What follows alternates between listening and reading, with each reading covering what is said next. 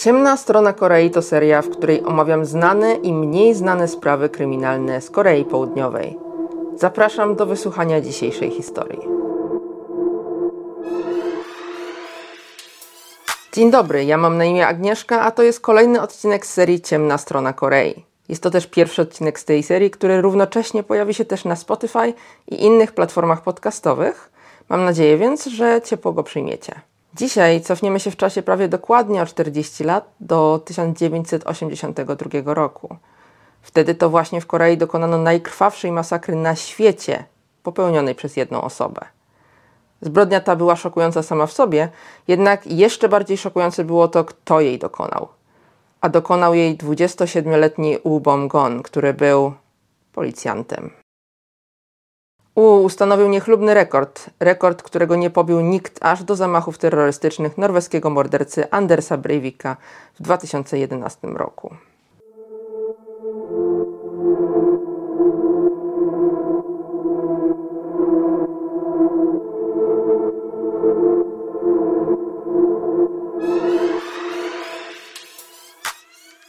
Dziś opowiem Wam o tym, kim był U Bomgon i co właściwie wydarzyło się w nocy z 26 na 27 kwietnia 1982 roku. Będzie to też historia o odrażającej wręcz niekompetencji i tchórzostwie koreańskiej policji. Wiem, że jest to motyw często pojawiający się w odcinkach ciemnej strony Korei, ale musimy pamiętać też, że za każdym razem koreański rząd podejmuje kroki, by temu przeciwdziałać. To tak w ramach wprowadzenia, a teraz przenieśmy się do Oiryeongun, powiatów Gyeongsang-namdo na południu Korei. Do dziś powiat ten pozostaje jednym z najmniej zaludnionych w całej Korei. Żyje w nim mniej niż 30 tysięcy mieszkańców. Wraz ze swoją partnerką John Malsun mieszkał tam 27-letni U Bom-gon. U nie był szczęśliwy.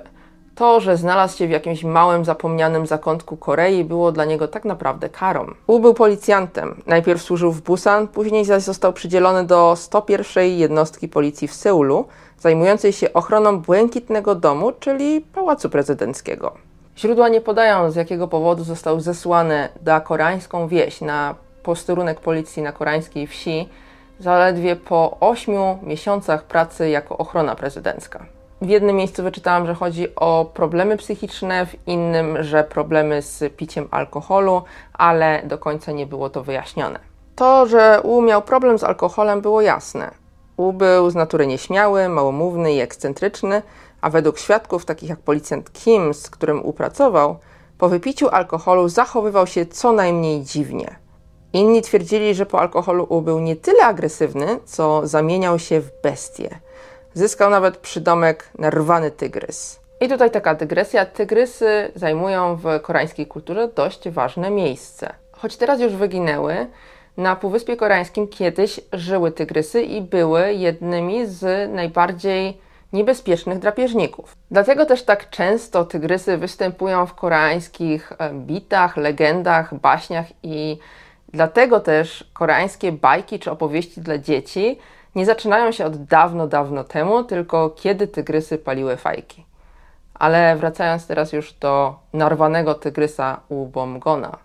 Jedna z mieszkanek wioski powiedziała o nim: Posterunkowy U pił codziennie, a potem zachowywał się agresywnie, mówił, że chce kogoś zabić. Nie zawsze tak jednak było. Ubomgon urodził się w Busan, a później wraz z rodzicami i trzema braćmi mieszkał w wiosce Munsanni w powiecie Wolsonggun gdzie zresztą spędził dość normalne, niczym nie wyróżniające się dzieciństwo. Jego ojciec był policjantem, co prawdopodobnie wpłynęło na późniejszy wybór kariery przez U.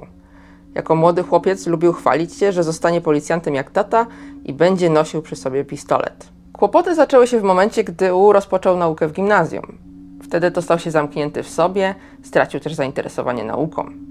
Często bez powodu opuszczał lekcje. W ciągu dwóch lat miał ponad 30 nieobecności, co jak na tamte czasy w Korei było bardzo dużą liczbą. Gdy był w trzeciej klasie liceum, na raka jelita grubego zmarł jego ojciec, co wpłynęło na charakter i zachowanie Ubomgona. Anegdota podaje, że pewnego dnia nie potrafił stłumić wściekłości, zbił szybę i kawałkami szkła okaleczył się w brzuch. Liceum ukończył z prawie najgorszym wynikiem w całej szkole. Ze swoimi miernymi wynikami zajmował 63 z 65 miejsc. W 1976 roku dostał się na Politechnikę, zrezygnował ze studiów po dwóch latach i poszedł do wojska, gdzie służył w piechocie morskiej. W wojsku odkrył swój talent. Potrafił doskonale strzelać, do tego stopnia, że dostał specjalne wyróżnienie dla najlepszych strzelców. Z tego powodu po zdaniu egzaminu policyjnego został później wybrany do jednostki ochraniającej Błękitny Dom w Seulu. To jest ten pałac prezydencki, o którym wspominałam. Potem jednak, tak jak mówiłam, wysłano go na posterunek w wiosce Kungniu, głęboko w górach na południu Korei. Tam poznał John Malsun. Szybko zostali parą i w lutym 1982 roku zamieszkali razem, co w tamtych czasach w dodatku na wsi było raczej niespotykane. Rodzice pani John sprzeciwiali się ich małżeństwu, mimo tego para planowała urządzić wesele jesienią tego roku. Nadszedł 26 kwietnia 1982 roku.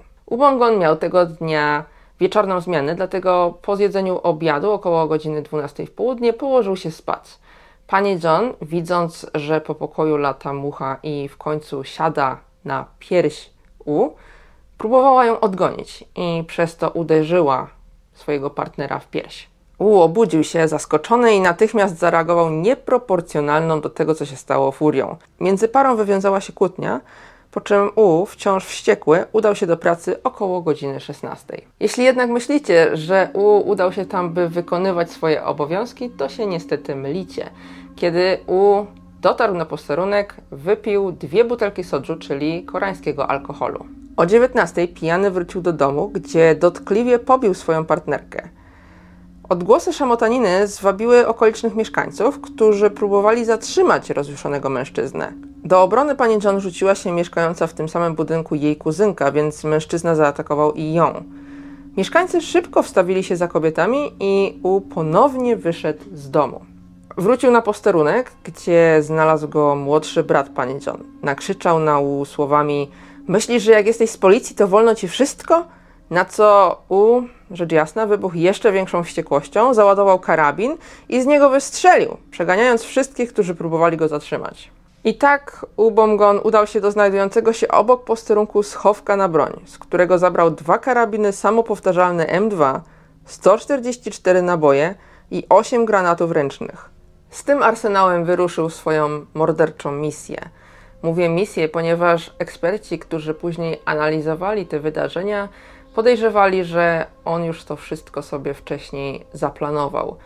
Już kiedyś w jego głowie zrodził się najpierw zwyrodniałe, zwyrodniałe marzenie, a później szczegółowy plan masakry. Pierwszą ofiarą był przechodzący obok posterunku 26-letni mężczyzna. Co gorsza, mężczyzna ten znalazł się tam zupełnym przypadkiem. Przyjechał do wioski dosłownie na chwilę, na obowiązkowe w Korei szkolenie wojskowe. U zastrzelił go, po czym skierował się w stronę targu, gdzie zamordował kolejne trzy osoby robiące spokojnie zakupy. Następnie udał się na pocztę, co było kluczowym momentem dla całego zdarzenia. Przypominam, że wszystko działo się w latach 80. ubiegłego wieku na małej koreańskiej wsi. Do obsługi telefonu potrzeba było operatora, który łączył dwie linie za pomocą wtyczek i gniazdka. Na poczcie w wiosce Kungniu pracowały dwie operatorki telefonu, na nocnej zmianie był tam też listonosz. Ubomgon wtargnął do pomieszczenia i zabił obie operatorki i listonosza, w efekcie uniemożliwiając mieszkańcom możliwość y, zaalarmowania kogokolwiek, odcinając ich tym samym od zewnętrznego świata i zostawiając na pastwę rozjuszonego mordercy. Wyglądało na to, że U działa z zimną premedytacją, metodycznie pozbawiając swoich ofiar jakiejkolwiek formy pomocy. Świadek wydarzeń z tamtej nocy wysnuł jednak inną hipotezę, dlaczego U zamordował pracowników poczty, a konkretnie jednej, jedną osobę, która tam pracowała, ponieważ jako operatorka pracowała tam kobieta, która kilka miesięcy wcześniej, jeszcze zanim U związał się z John Malsun, odrzuciła zaloty U. Zraniony tym mężczyzna chował do niej urazę i być może dlatego tego dnia postanowił ją zabić. Na tym jednak nie poprzestał. Właściwie to dopiero zaczynał. Wkrótce zaczął chodzić od domu do domu i tam, gdzie paliło się światło, wchodził i strzelał. W ten sposób zabił sześć osób. Pobiegł też w stronę kolejnego targu w wiosce kilometr dalej i zamordował kolejne siedem osób, rzucając w nich granatem ręcznym. W tej samej wiosce, jakby nigdy nic, znalazł jedyny sklepik, gdzie kupił sobie sajda. To jest koreańska wersja napoju Sprite. W międzyczasie opowiadał właścicielce sklepu totalnie spokojnym głosem, że w okolicy kręci się komunistyczny szpieg i on na niego poluje, po czym, kiedy skończył pić, zabił ją i dwójkę jej dzieci. O 22.50 dotarł do okolicznego domu pogrzebowego, gdzie akurat odbywał się pogrzeb. W Korei goście, czy to na weselu, czy to na pogrzebie, czy to na roczku dziecka, zawsze w wyrazie szacunku wpłacają pewne kwoty. I Ubomgon wpłacił wtedy 3000 won, na dzisiejsze pieniądze byłoby to około 40 tysięcy won, czyli jakieś 120-130 zł. I jakby nigdy nic, zasiadł sobie razem z żałobnikami i zaczął pić alkohol. W późniejszych analizach zdarzenia podejrzewano, że zrobił to, by nie wzbudzać podejrzeń. Oczywiście U nie mógł nie wzbudzać podejrzeń z dwoma karabinami na ramieniu, mnóstwem nabojów i granatami, które miał przy sobie. Zapytany o broń odparł, że to na szpiega grasującego w okolicy. Nie minęło jednak nawet 10 minut, gdy U zaczął wyzywać gości. Jeden z nich więc wyszedł mu naprzeciw i zawołał: Jesteś policjantem, jak ty się zachowujesz na pogrzebie? I to jakby dolało oliwy do ognia, i U zaczął strzelać do gości. Strzelał nawet w plecy uciekającym, zabijając w sumie 12 osób. Jeden z gości przeżył pomimo ran i później opowiadał, co się stało wtedy w domu pogrzebowym. Gdy odzyskał przytomność, zobaczył, że wokół niego znajduje się morze krwi i martwych ciał. Widział oddalającą się sylwetkę mordercy, Ubomgona, e, który miał zamiar opuścić to miejsce, gdy nagle ciszę rozdarł płacz niemowlęcia. Mężczyzna usłyszał głos Ubomgona. Jeszcze ktoś żyje? Potem rozległ się odgłos wystrzału. Ubomgon zabił niemowlę, które skończyło zaledwie miesiąc. U opuścił dom pogrzebowy i znów chodził od domu do domu, szukając tych, w których paliło się światło. Jeśli światło było włączone, wchodził tam i zabijał wszystkich bez litości. Niektórzy uratowali się dzięki pewnemu taksówkarzowi, który chodził, jeździł od domu do domu po tych różnych wioskach i ostrzegał mieszkańców, żeby zgasili światła.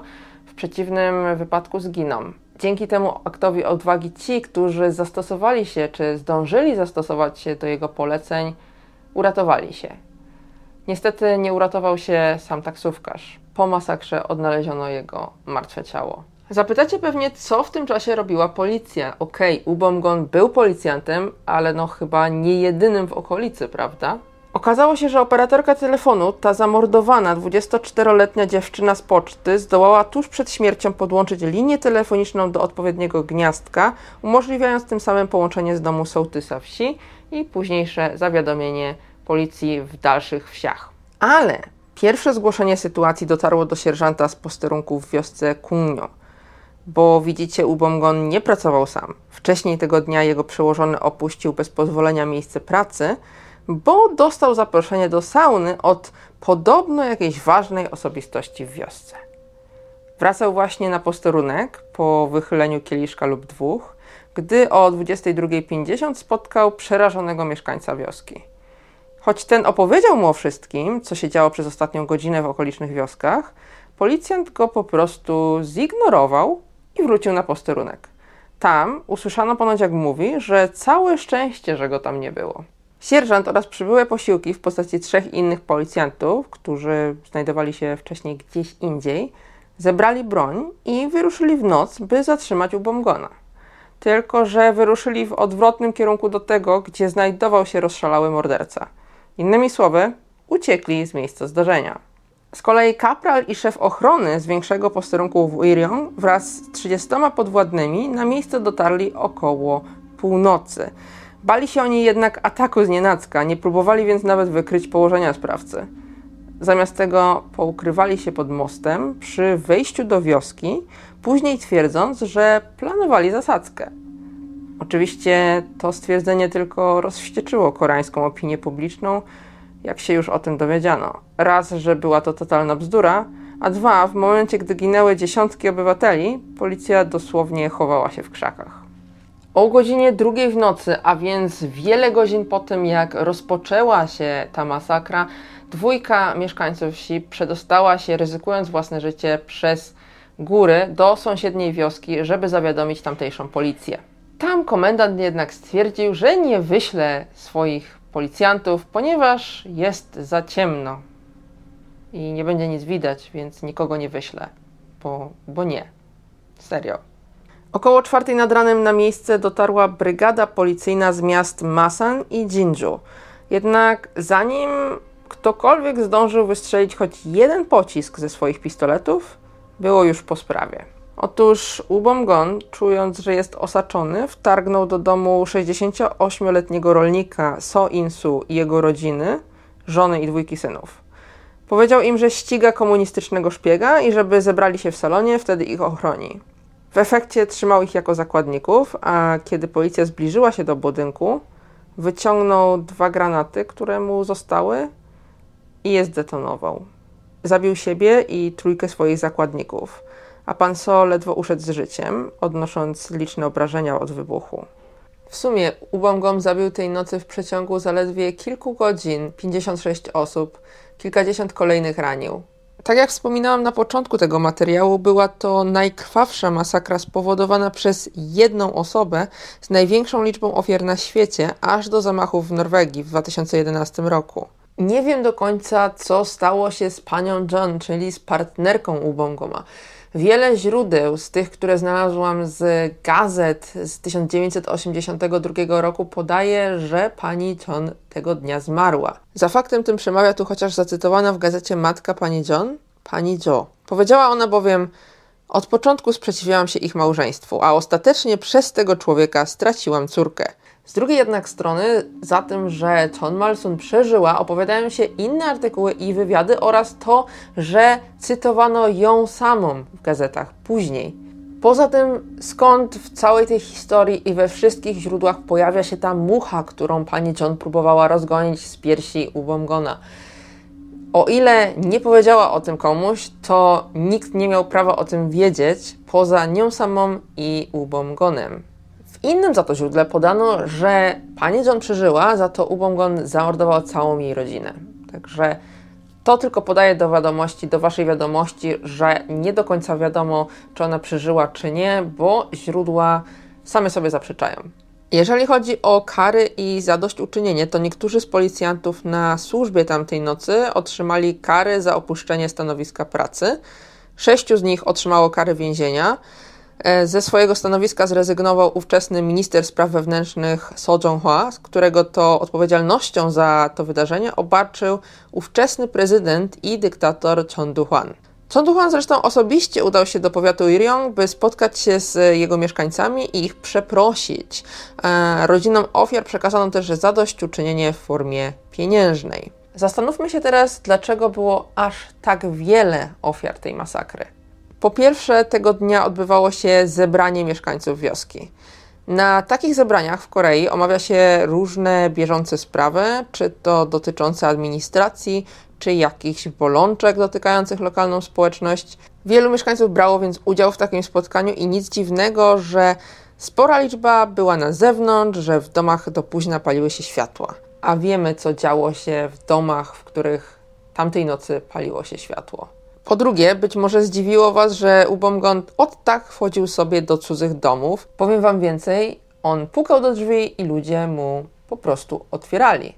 Dlaczego się tak działo? Dlatego, że Ubomgon miał na sobie mundur policjanta i okoliczni mieszkańcy nie mieli powodu do tego, żeby mu nie ufać, ponieważ policjant jest po to, żeby ich chronić, tak?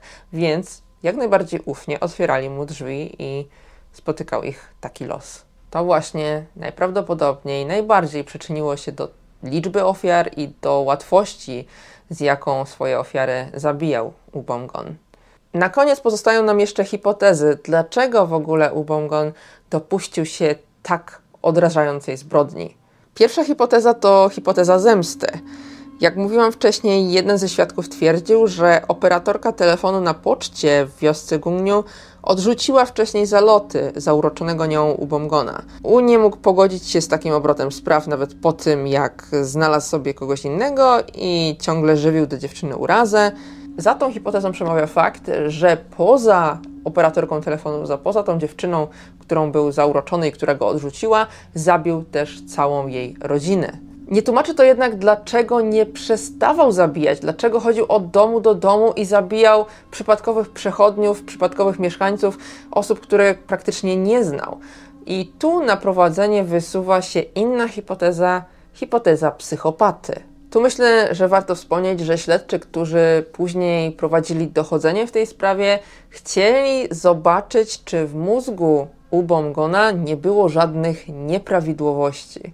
Według śledczych zbrodnia, jaką popełnił policjant U, była tak niewyobrażalnie brutalna i okrutna, że chciano porównać, czy struktura jego mózgu różniła się jakoś od mózgu i tu użyję cudzysłowia normalnego. Jego ciało wysłano nawet do ośrodka badawczego, jednak ostatecznie zaniechano tej próby, bo uznano, że badanie jest niemożliwe do wykonania. Najprawdopodobniejsza wydaje się jednak hipoteza z nagłym, niepohamowanym atakiem wściekłości połączonym z odurzeniem alkoholowym.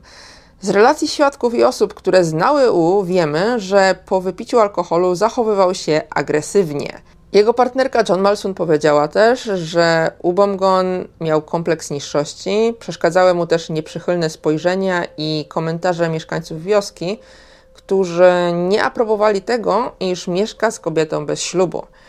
To wszystko stworzyło swoistą mieszankę wybuchową i niestety doprowadziło do tragedii. Czy można było zapobiec tej tragedii? To jest kolejne pytanie, które musimy sobie zadać. Na pewno w grę wchodzą tu rażące błędy, opieszałość i tchórzostwo policji, jak sami słyszeliście, ale możemy pochylić się też nad systemem, który dopuścił, by ktoś o tak nieprzewidywalnym charakterze jak Ubomgon został policjantem. Po tym zdarzeniu wprowadzono co prawda regulacje dotyczące powoływania do służby policyjnej kandydatów. E, taki potencjalny kandydat musiał ukończyć liceum, musiał być niekarany i przejść testy psychologiczne, ale w przypadku Bomgona niewiele by to dało, bo mężczyzna ukończył przecież liceum, nie miał na koncie wcześniejszych przewinień i istniało prawdopodobieństwo, że zdałby nawet te testy psychologiczne. Możemy mniemać za to, dlaczego zamiast zostać zwolnionym, został zesłany do pracy na posterunku na wsi, chociaż pewnie jego przełożeni już zdawali sobie sprawę z zagrożenia, jakim był. Osobiście poruszyły mnie dwie historie ofiar tej masakry. Pierwsza z nich to historia pani Pe Pyong-sun, która tego dnia brała udział w tym zebraniu mieszkańców, o których wspominałam, i była jedną z nielicznych osób, które przeżyły. Opowiadała ona, że siedzieli oni wtedy w jednym pokoju i nagle do tego pokoju wtargnął rzucający przekleństwami mężczyzna. Zanim ktokolwiek mógł cokolwiek zrobić, wymierzył do nich z karabinu i zaczął strzelać. Pięć osób zginęło na miejscu, a panią B postrzelił w nogę aż trzy razy. Później w szpitalu powiedzieli pani B, że nogi nie da się uratować, jednak pani B e, nalegała, żeby, żeby zostawić jej tę nogę, także nie amputowano jej tej nogi, ale no zanim to się stało, to jej najstarszy syn wziął ją na plecy.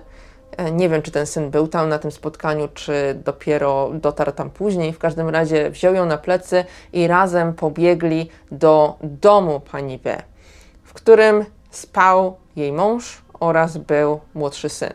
Niestety nie zdążyli i mąż pani B i jej syn już nie żyli. Śpiący mąż pani B został nawet postrzelony w tył głowy, gdy spał i zgubiło ich to, że mieli zapalone światło, gdyż młodszy syn został w domu, by odrobić lekcję. Poruszyła mnie też inna historia pana Chon Byung-tae, który przeżył. Nie przeżył za to jego 19-letni wtedy syn.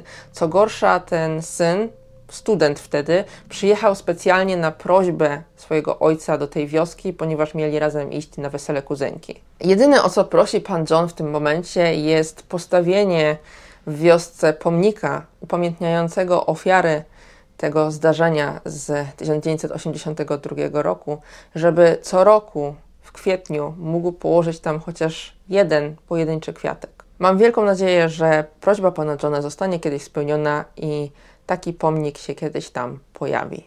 Na tym kończę dzisiejszą historię morderczego szału policjanta Ubomgona. Dajcie znać, co Was poruszyło najbardziej w tej sprawie, czy w ogóle o niej słyszeliście. I oczywiście, jeżeli macie jakieś propozycje kolejnych tematów odcinków Ciemna Strona Korei, dajcie również znać w komentarzu na, e, pod filmikiem na YouTubie. Możecie też do mnie napisać. em, na adres pyrawkorei.gmail.com. Dzisiejszy odcinek w ogóle był propozycją od jednego z Was, także ja Was słucham. I na pewno, jeżeli pojawią się jakieś ciekawe propozycje, to wezmę je pod uwagę. I to tyle na dzisiaj. Ja się już z Wami żegnam. Do zobaczenia, do usłyszenia w kolejnym odcinku serii Ciemna Strona Korei.